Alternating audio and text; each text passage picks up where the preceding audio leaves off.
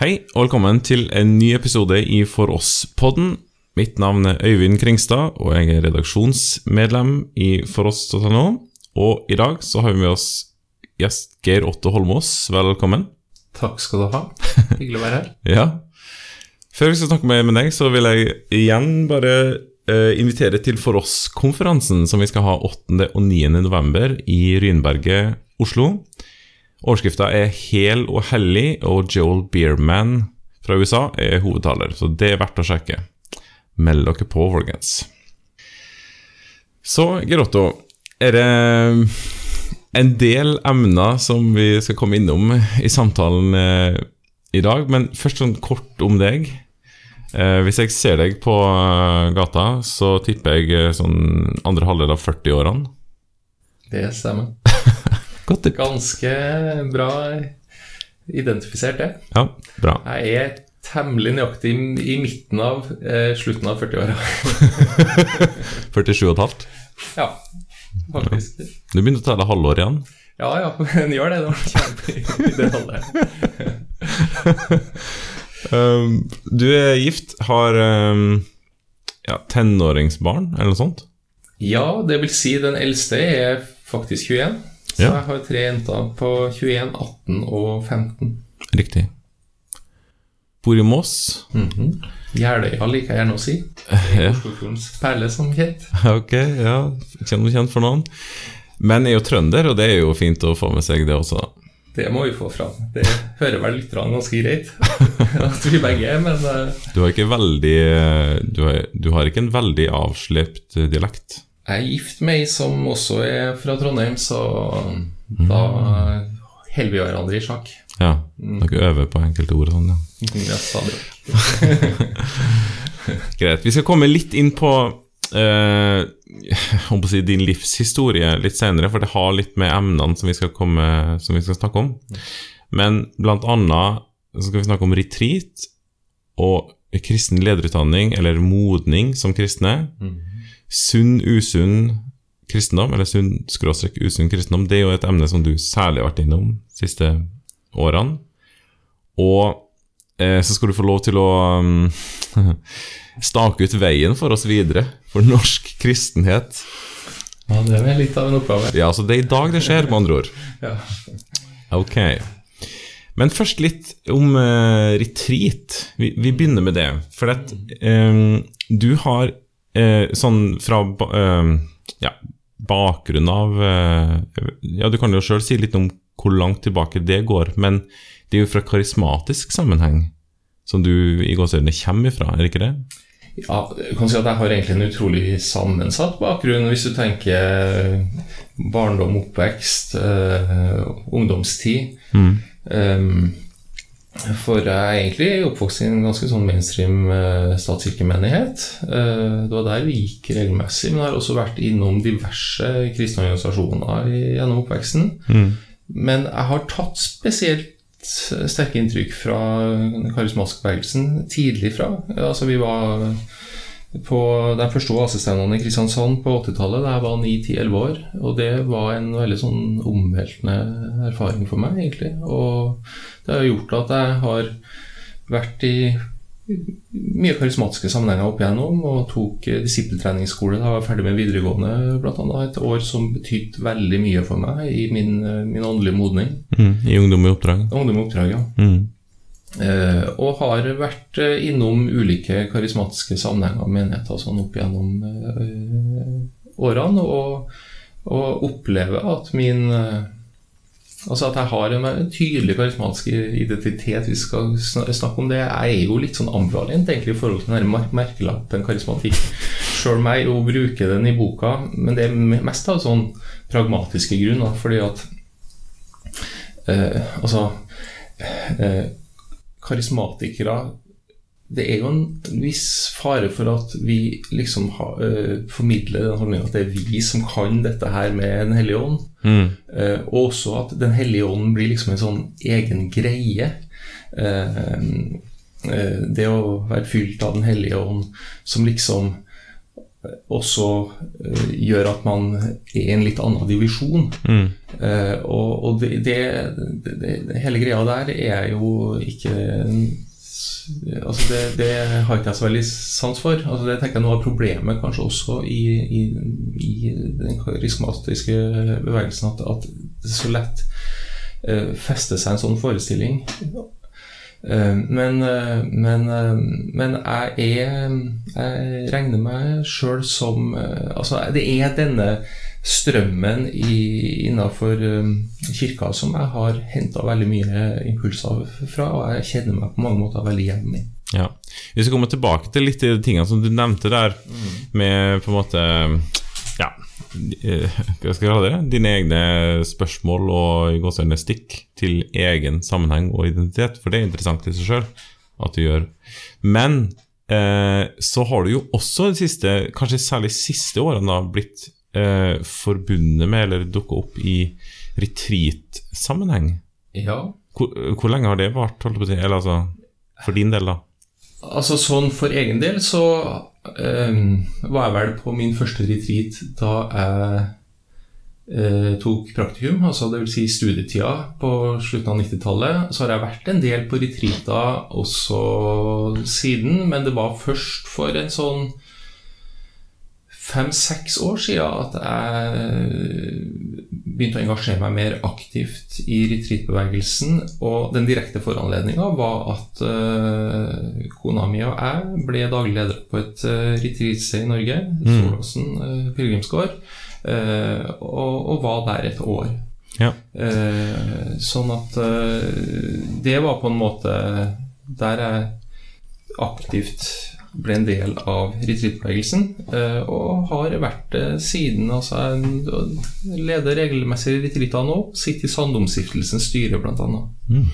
Og Sandomstiftelsen er jo eh, den eh, stiftelsen som forvalter arven etter Edin Løvaas, hvis vi kan si det sånn. Når, det vil si hans, de to retreatgårdene som, som, han var med å, å starte. Nettopp. Mm. Men du, for folk som ikke har noe sånn spesielt forhold til det, eller vært på retreat eller sånn fra før iallfall, hva er retreat for noe? Ja, en kan jo si det på mange forskjellige måter, men, men eh, sånn helt grunnleggende så tenker jeg at det handler om å uh, trekke seg tilbake. Uh, ja, for ordet er jo engelsk og betyr tilbaketrekning. Det betyr jo faktisk akkurat det. Ja. Så det handler om å trekke seg tilbake til stillheten, til et sted der en også følger en bestemt puls. Det er noen helt enkle praksiser som en, som en um, følger. Uh, det er en fast tidebønnsrytme. Uh, det er bibelmeditasjon. Det er masse tid til stillhet, bønn og refleksjon, og det er også mulighet for samtale. Og så er det et poeng at det er over en viss tid? Det er et poeng at det er over en viss tid, fordi at For eksempel?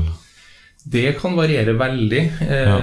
men eh, de fleste retreatene som i hvert fall jeg er med på, de strekker seg over en tre-fire dager. Eh, Ukesretreater er heller ikke så uvanlig nå. Mm. Um, uh, det fins faktisk også tilbud om tredjedagsretreat, men det er jo Det er jo en, en egen øvelse, for å si det sånn. Tredje, tredje dagers stillhetsretreat ja, er jo også Faktisk. Uh, den, den er fullstendig taus, bortsett fra at man får daglig personlig veiledning. Ja. Ignatiansk retreat. Ja. Ja.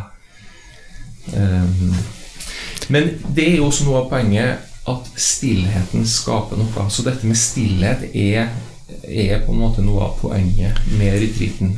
Sjøl om det fins uh, eh, ulike retreater her. Altså noen, noen, noen har, uh, er helt tause, andre er, er delvis tause. Ja. Men ja, for det, ja, altså retreat er jo ikke retreat. Eh, godt sagt, var ikke det? Altså, eh, vi snakker om Du brukte jo selv ordet retreat-bevegelsen, men saken er at det her er jo ikke en, en enhetlig sak. Og, og eh, jeg mener også at du har Eller det kan du si litt mer, mer om, men at eh, retreat er ikke noe Ikke én form eller et eller annet sånt som eies i gåseøynene av bare én type kristen sammenheng. Nei, absolutt ikke. Og, for- og, for, for min egen del så vil jeg si at jeg, ser på retreat som en, et virkemiddel. Ja. Um, jeg tenker at det er en vel- velprøvd og slitesterk form uh, som kanskje ikke minst i dag, i den kulturen vi lever i, som, der vi liksom er utsatt for 100 000 impulser. Eh, vi fyller alle flater med stimuli.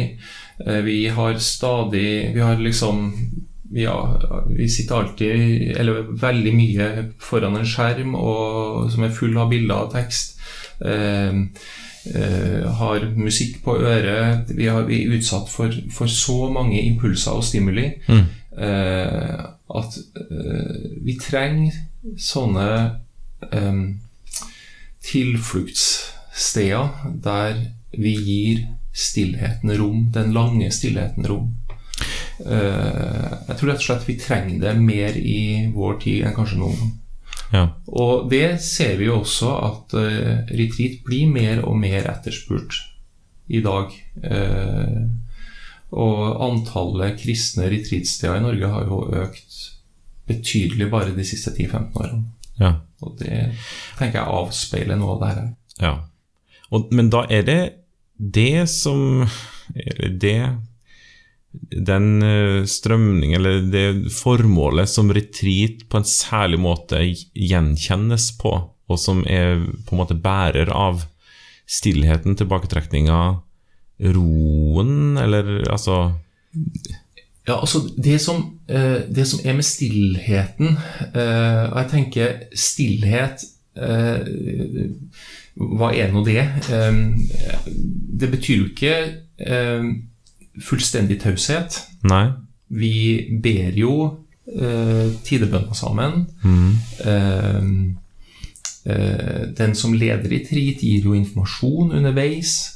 Eh, vi, eh, vi eh, det, er åpning for samtale Mm. eh, underveis, men det er det her å gi At det er store flater der vi ikke snakker eller utsetter oss for, for masse impulser. Vi forenkler. Vi, vi konsentrerer oss om det å bare være. Mm. Det vil si, altså Vi, vi overgir oss til, til det å bare være. eh, og, og prøve å konsentrere og samle sine. Mm. Eh, og det tror jeg vi virkelig trenger i dag, fordi at vi så ofte er så adspredt. Mm. Og jeg blir ofte slått over hva stillheten gjør med mennesker. Hvordan det bringer oss nærmere vårt eget hjerte, våre, vårt eget indre liv, våre følelser, våre tanker. Og kanskje under noen, noen lag av hm, Hva skal vi si? Eh, altså En må kanskje gjennom noen lag før en kommer der en virkelig er ved sitt ekte jeg. Mm. Og det er noe stillheten gjør at altså Når man er i den litt lange stillheten, så kommer man ned der. Mm. Og når man kommer nærmere sitt eget indre, så blir også bønnen mer ufiltrert. Eh, eh, og Bibelen sier jo at Gud vil ha sannhet i menneskets indre. Mm. Og det tenker jeg er en overskrift over det som skjer i retreaten. At vi kommer nærmere oss sjøl, den vi virkelig er. Og det gjør også noe med vårt gudsforhold. Mm. Fordi at På sett og vis så kan ikke møte Gud på noe annet sted enn der i oss sjøl. Mm. Og det er bare der Gud kan egentlig også gjøre noe med oss. Så, og det er det på en måte retreaten åpner for. Mm. Ja, åpne for, eller legge forholdene rundt til rette for Ja. det er kanskje vel så eh, riktig å si. Ja, fordi at i alle Ja eh, Den floraen av inntrykk som vi lever i i vanlig hverdagsliv, så er det faktisk ikke opplagt at man har kontakt med sitt eh, med, med seg sjøl, typisk sett. Nei, det, det, er, det er helt klart at um, dette, det livet vi lever, det gjør at vi på en måte at tanker og følelser kan bli en, en eneste stor uh, malstrøm ofte. Og, og vi trenger å kjenne eh, hvor vi er hen, og eh, og, og måtte gå videre derfra. Men du, de aller fleste av oss, alle egentlig, eh, er jo ikke på retreat hver uke. Nei, takk og pris. Å- være på retreat eh, hver uke er ingen god ting. Nei. Og det går an og, at dette med retreat kan bli også et eh, Det kan jo også bli en flukt. Ja, sant. Det er vanlig å si at en anbefaler en retreat i året. Ja. Det er det mange retreatledere som sier. Mm. Eh, og det tenker jeg kan være et godt råd. Mm. Å dra på veldig mange retreater i året, det kan øh, Det kan i visse livsfaser så kan det øh, være, være noe godt, men, men, men øh, sånn all over så vi er kalt til å leve livet i hverdagen. Det er vårt grunnleggende kall. Ja. Men retreaten skal gi en hjelp til å leve det livet enda sannere. Mm. Og eh, at vi også vokser og modnes som kristne. Men hvilke elementer er det som du tenker, eller som du anbefaler kanskje da, når du har folk på retreat, at de tar med seg inn i det, det daglige, hverdagslige andaktslivet? Eller livet som sådan? Eh, men som på en måte hentes ifra retreat. Hva er det retreat har å mm, gi den enkelte Jesu etterfølger på en vanlig hverdag, liksom? Jeg, jeg, jeg tenker en skal være litt, litt tilbakeholdende med å tenke på retreaten for mye et nytteperspektiv. altså det, det skjer ting i retreaten som så å si har egenverdi, som, som når du kommer tilbake til hverdagen, så vil du oppleve at det har, det har gjort noe med deg, kanskje mm. at du kan definere det. Så det er det første jeg vil si. Eh, men jeg vil også eh, si at eh, under en retreat så er det veldig mange som opplever, eller eh, kanskje til og med kommer i, erfaring med første gang dette med lyttende bønn. At bønn ikke bare handler om at det er jeg som sier en hel masse ting til Gud, eller tømmer mitt hjerte for Gud, eller hvordan en skal si det, Mm. men at bønn også er en mottagende holdning. Mm. At når jeg ber, så så, så kan også Ånden tale til meg, eh, lede, eh, lede meg, eh, berøre meg på et, et plan som går ut over ordene. Eh, eh, og det tenker jeg også noe som Altså når man har fått eh, den type erfaring, så er det også noe man kan ta med seg inn i hverdagen. Mm. Um, så er det dette med biomeditasjon. Ja. Uh, det er jo en sånn klassisk element i retreaten. Og hvis jeg skal si litt om det, ganske kort, så er det en bedende form for lesning. Riktig. Eh, En snakker gjerne om en åndelig lesning, lectio divina på, på latin. Eh, Guddommelig lesning betyr jo det direkte oversatt. Men det er jo en måte å lese Bibelen på som ikke minst er blitt utvikla i klostrene.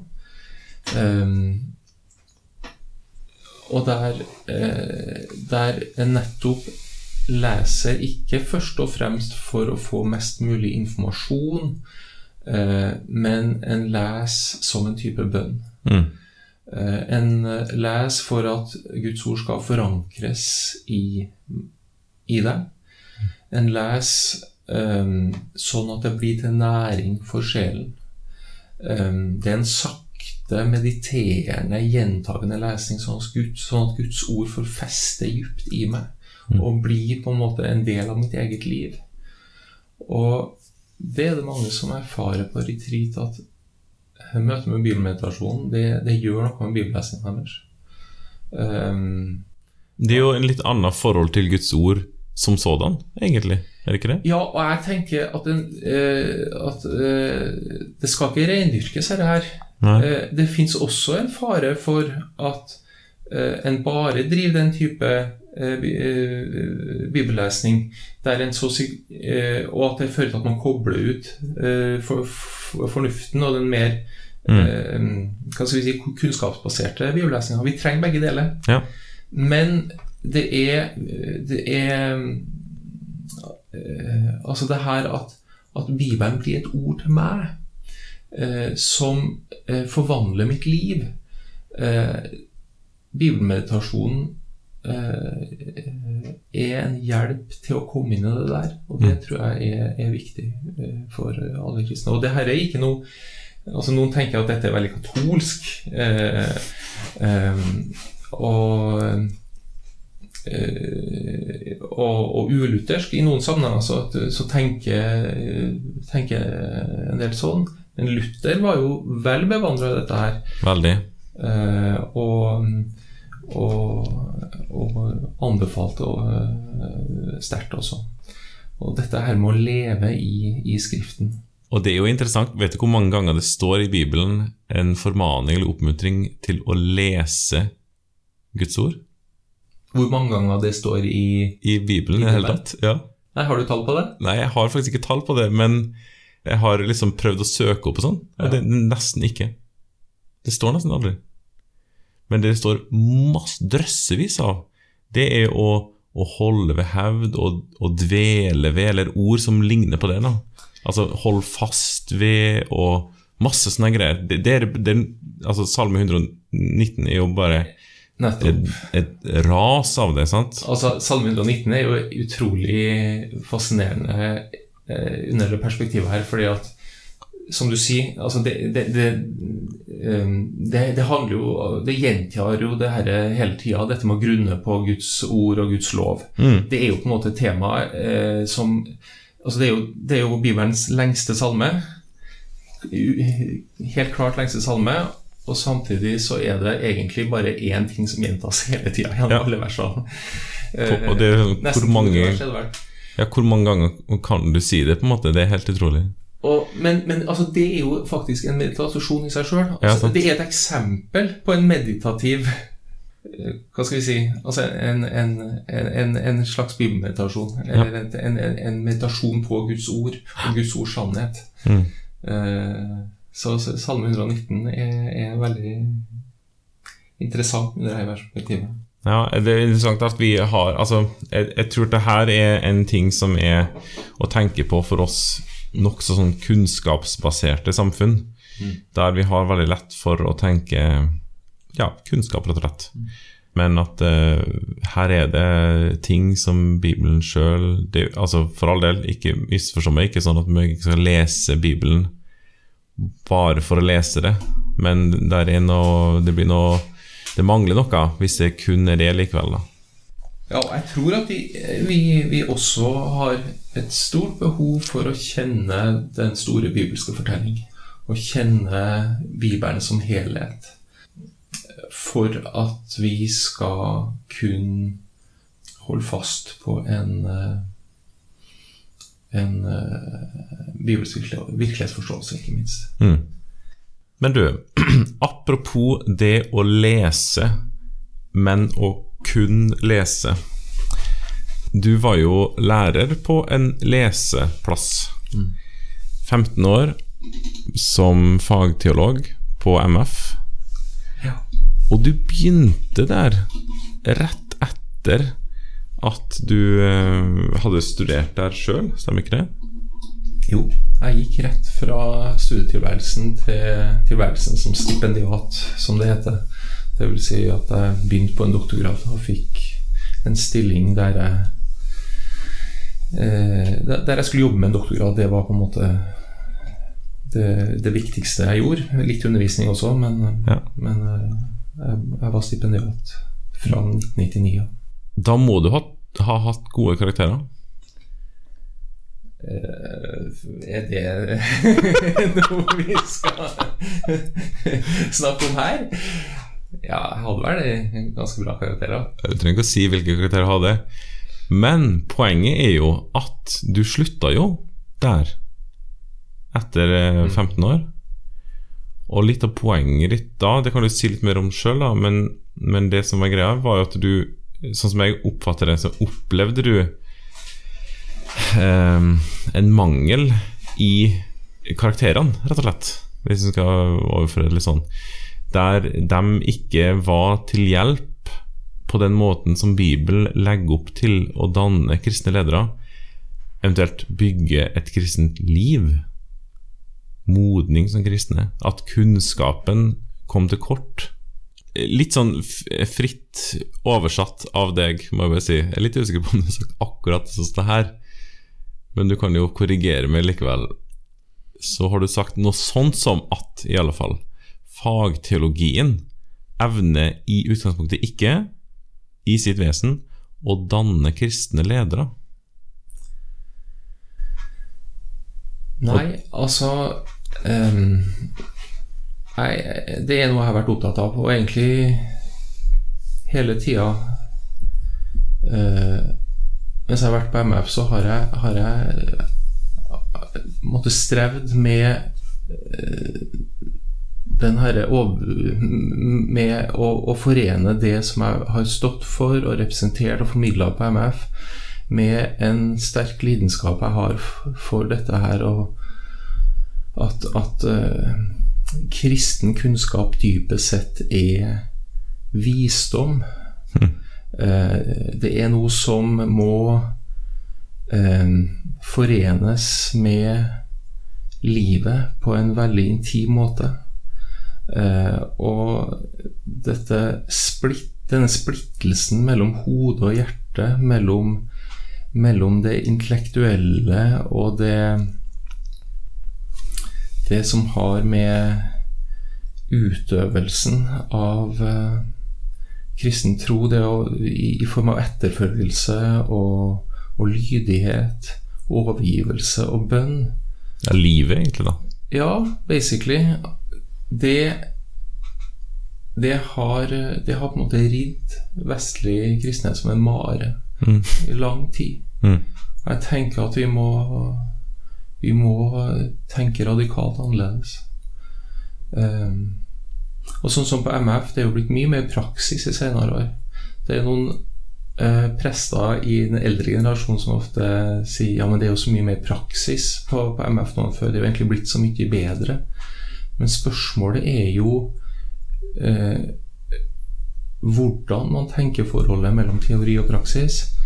Og, og hvis praksis på sett og vis bare blir en eh, noe som handler om god yrkesutøvelse, eh, profesjonell utøvelse av av eh, presteprofesjonen, Mm. så, så er ikke det eh, det jeg er opptatt av, for å si det på den måten. Nei.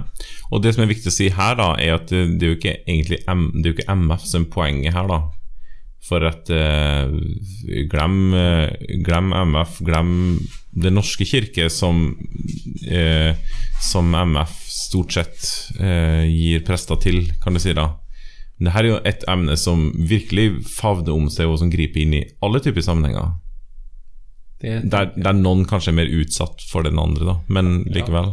Nei, jeg tenker du, du har rett i at uh, uh, Altså Jeg sa jo også noe om at det, det, den her splittelsen mellom, mellom hode og hjerte, mellom, mellom tanke og handling, for å si det veldig enkelt, da. Ja.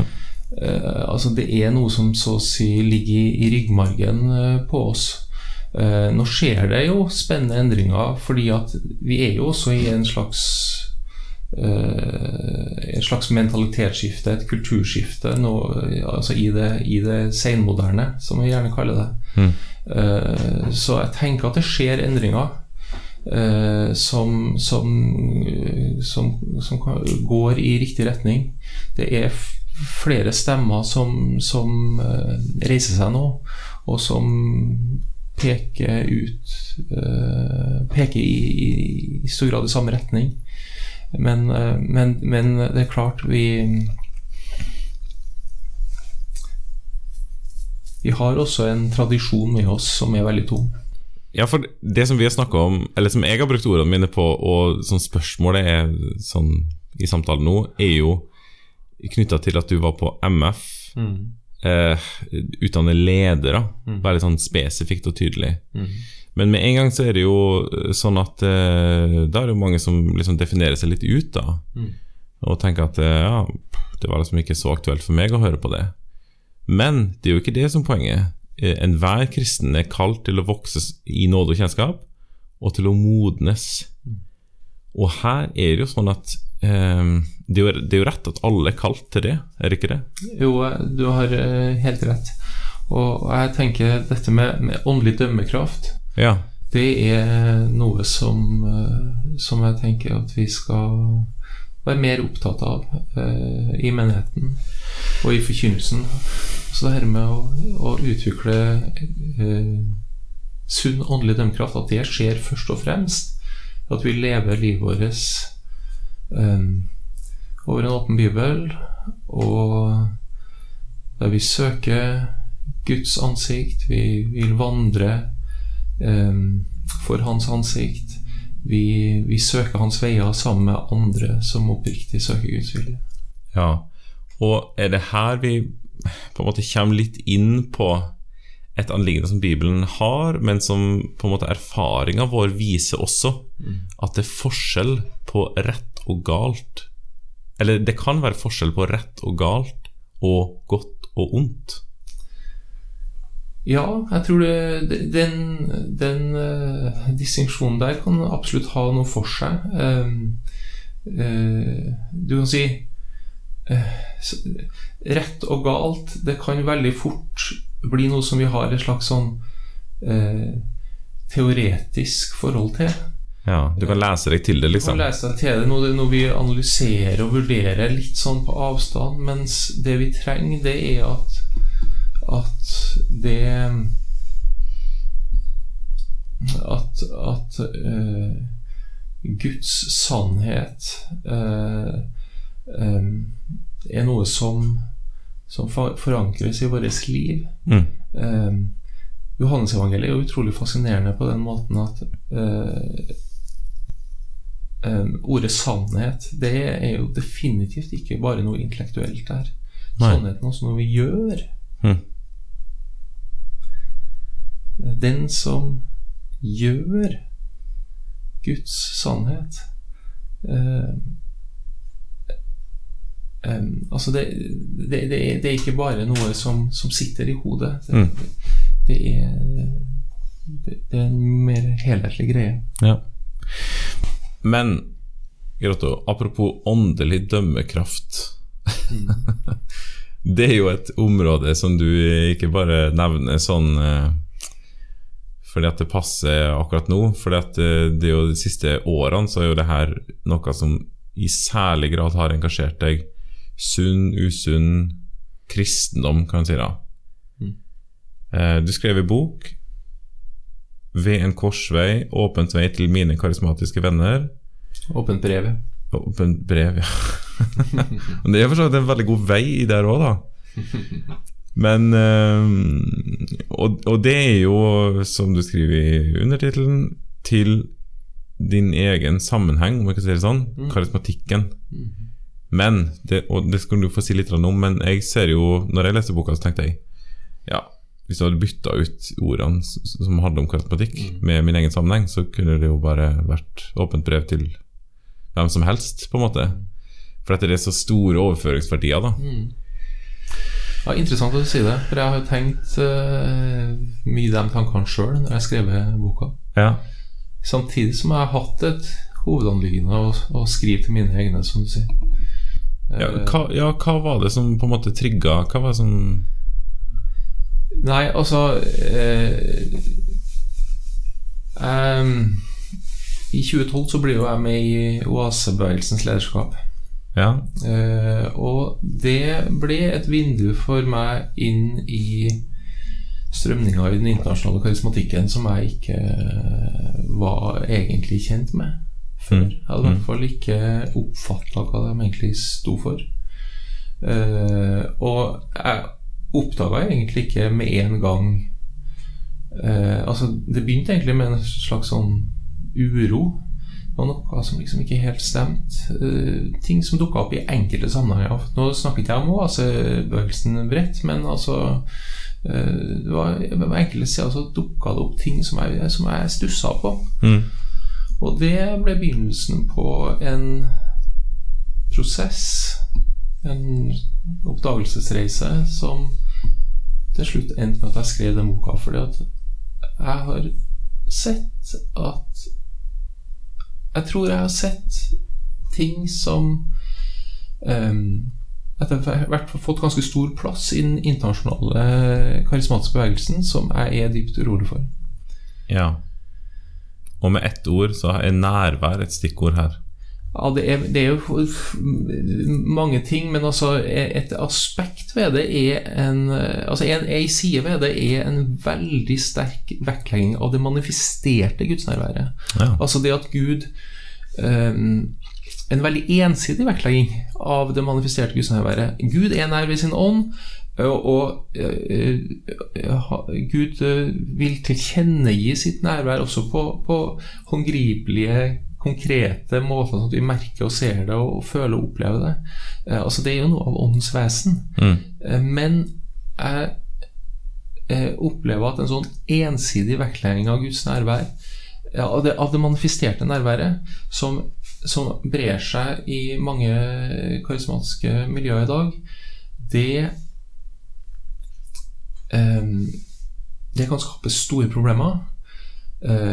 Fordi at det er ikke alltid sånn at vi føler og opplever og ser eh, Guds nærvær. Mm. Eh, I store eh, Altså Ofte så, så, må vi bare regne med Guds nærvær. Mm. Eh, og det er på en måte å, å gå troens vei. Mm. Det her at vi bare Vi vet at Gud er nær, og det er også en erfaring som vi vokser inn i når vi eh, øver oss i å, å, å, å regne med gudsnærværet, så vil vi også erfare at Gud virkelig er nær. Og noen ganger så manifesterer han seg eh, på sterke måter. Og Det har jeg erfart mange ganger i mitt eget liv, men vi er nødt til å skjelne mellom det manifesterte nærværet og det objektive, faktiske nærværet. Ellers så råker vi ut i store problemer, tror jeg. Mm. Um, og det henger også sammen med en, en, forståelse av Guds rike som veldig, som alltid veldig sånn håndgripelig. Altså en Guds rike som noe vi bygger, gjerne med, med, med synlige eh, Veldig synlige resultater. Altså en, en, at, at, det, dreier seg veldig mye om, om det vi gjør. Mm. Mens jeg tenker at Guds rike først og fremst er noe Gud virkelig gjør iblant oss. Mm når vi underlegger oss Jesu autoritet mm. eh, eh, og lever lydig mot Han, da eh, virkeliggjør Gud sitt rike, og han kan også gjøre det uavhengig av oss.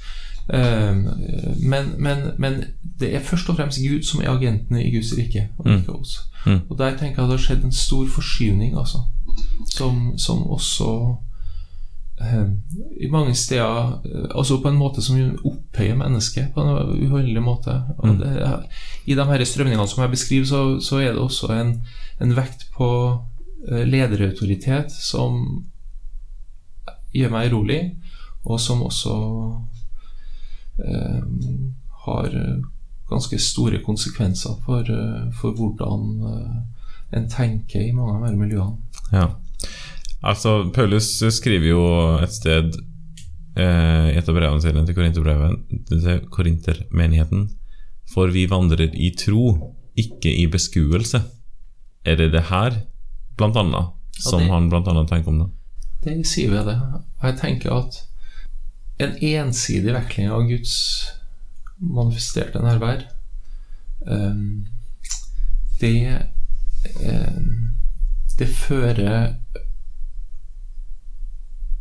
Kan føre oss inn i store anfektelser, faktisk. Mm. Fordi at eh, vi lever på en måte en spenning mellom Guds nærvær og Guds fravær. Mm. Så lenge vi er her på jorda. Ja, eller det er en sannhet som vi er gitt, rett og slett. En, et Ja. vilkår som vi har som mennesker på denne jorda. så er vi så, så er ånden utøst som en en, en, en, en førstefrukt som, som et um, som en foregripelse av det som kommer. Mm. Eh, Men, men eh, det betyr ikke at eh, vi alltid eh, vandrer Altså at vi vandrer fra herlighet til herlighet, for å si det på den måten. Ja, for du har ikke slutta å være karismatiker likevel? Nei, det, det er jeg ikke. Og på mange måter så vil jeg si at dette med åndsliv eh, Det blir bare viktigere og viktigere for meg, men jeg er opptatt av at det står i sammenheng med Vi må ikke løsrive det fra fra eh, korset og forsoninga. Ja. Eh, og åndens liv er jo dypest sett et liv i Jesu etterfølgelse. Eh, Den hellige ånd peker på Jesus. Eh, fordyper oss i Han, eh, det han sa. Sånn at det er den her tendensen til å gjøre åndens liv til en sånn egen greie Mm. som lever sitt eget liv, den, den ønsker jeg på en måte å gi eh, motbør. Mm. Ja, for nå har du jo allerede vært innom det en del i, i, ja, i svaret allerede, men, men eh, på den måten at du har avgrensa eh, og format i forhold til hva som du ser som er usunt. Men det som jeg opplevde når jeg leste boka, var jo at ja, du gjør det på en tydelig måte, men samtidig så er det den positive, jeg skal kalle det, veiledninga. Altså det som, som gir rett vei, da. Det er det som er ditt anliggende, og som du får fram i boka. Men hva er det da vi skal se etter? Hva er det her positive, genuint gode? Jeg er glad for at du sier det, at det positive kommer såpass Til tidlig gjennom, for det har vært et viktig anliggende for meg. Ja. Um, nei, altså Jeg er opptatt av at vi skal tilbake til de grunnleggende sannhetene. Ja. Uh, og eh, altså The good old gospel, det er en frase jeg også bruker i boka. ja.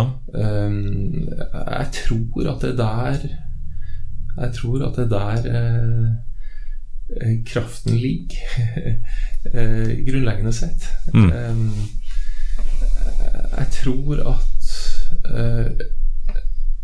det som dypest sett bygger trua, det er å være forankra i Kristus og i eh, det som er sant om meg gjennom Han. og, og også leve ut fra den virkeligheten at vi er døde og oppreist med Kristus. Og åndens liv er dypest sett ikke noe annet enn å leve oppstandelseslivet. Eh, og, å gå den veien Mm. eh, til liv gjennom død. Mm. Så der de tonene på en måte får lyde, det er godt. Det er rett, på en måte. Altså, jeg tenker at eh, det her er på en måte essensen i kristen tro, sånn som det har vært lært eh, gjennom kirkas historie. Eh, I forskjellige eh, sammenhenger, konfesjoner. Eh, det er på en måte kjernen i den kristne tro. Og det som gjør meg spesielt urolig med en del utviklingstrekk i nykarismatikken, det er jo nettopp det at det er akkurat som at troens grammatikk er helt endra. Mm. Um, det, det er liksom det, det, det, går ikke bare liksom på eh, oppfatning av enkeltspørsmål eller uh, litt liksom nye praksiser. Altså, men, det, men, det, går liksom Hele, hele troens grammatikk er endra. Mm.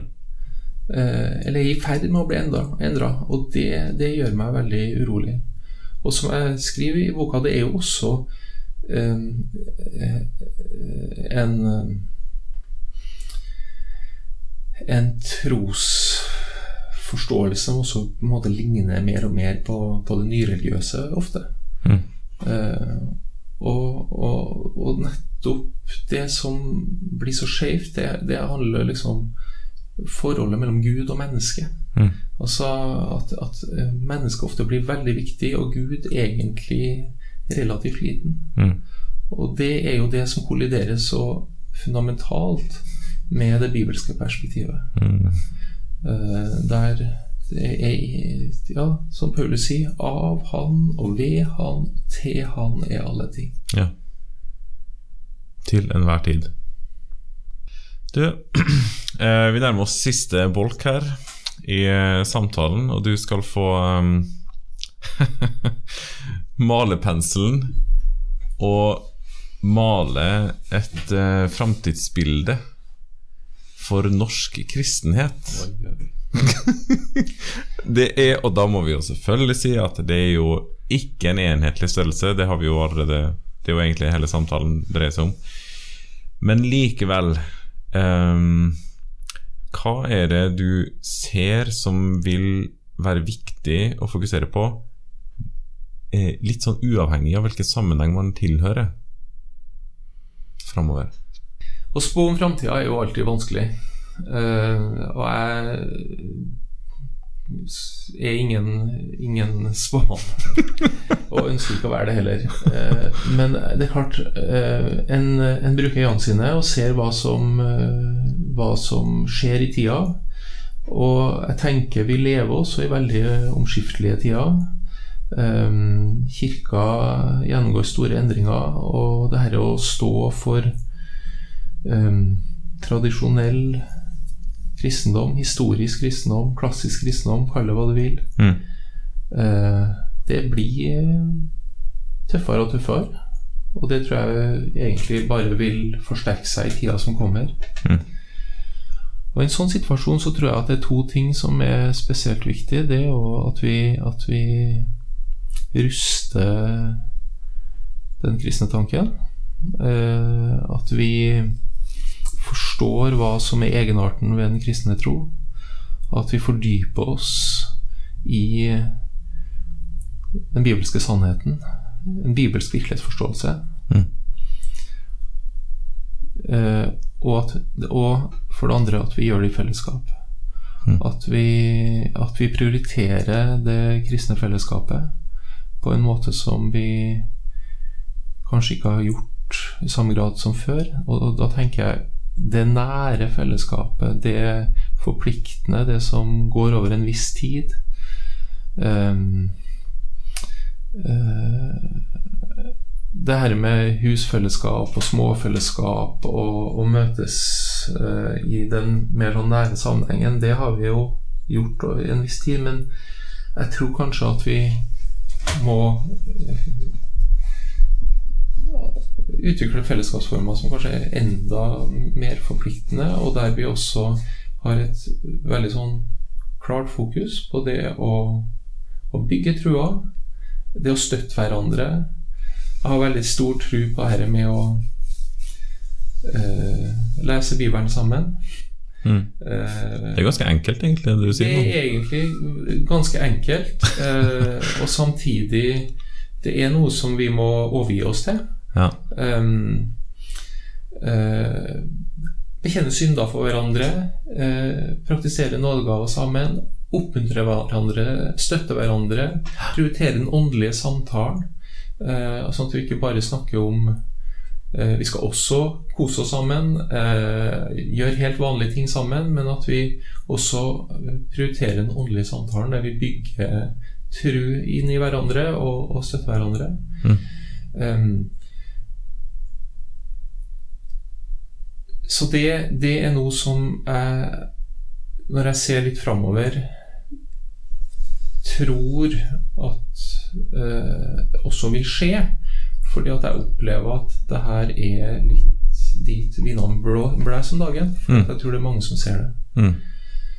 Um, sånne Altså, vi, det sies altså, Mange er opptatt av det her at vi som menighet må komme ut av menighetsbobla. Eh, ut i samfunnet omkring oss. Eh, at vi må bygge ned skillene mellom, mellom menigheten og samfunnet rundt. Og det er noe veldig viktig og riktig i det. Mm. Men jeg tror at i det åndsklimaet som er, så er det kjempeviktig da at vi nettopp um, samtidig bygger menigheten innenfra. Ja. Og at vi, at vi Altså, vi må vite hva vi tror på for at vi også skal kunne formidle det videre. Og vi må være forankra i det. Mm. Og vi må Vi må måtte også ivareta menigheten som, som noe annet enn verden, for å, for å bruke mer sånne tradisjonelle begreper. Mm. Interessant. Det er jo, jeg føler at eh, Gjennom hele samtalen her så er det en tråd som går, og det ender egentlig nå, da. Helt ifra retreat-sammenhengen til kristen lederutdanning og modning for enhver kristen, til å skjelne mellom sunn og usunn kristendom, så er det Det er å med hele sitt liv forankres i Guds sannhet for oss. Det tenker jeg er en god oppsummering. Gerold Holmås, tusen takk for eh, samtalen. Takk for at jeg fikk være her og snakke med deg. Gud velsigne deg videre i liv og tjeneste. I like måte.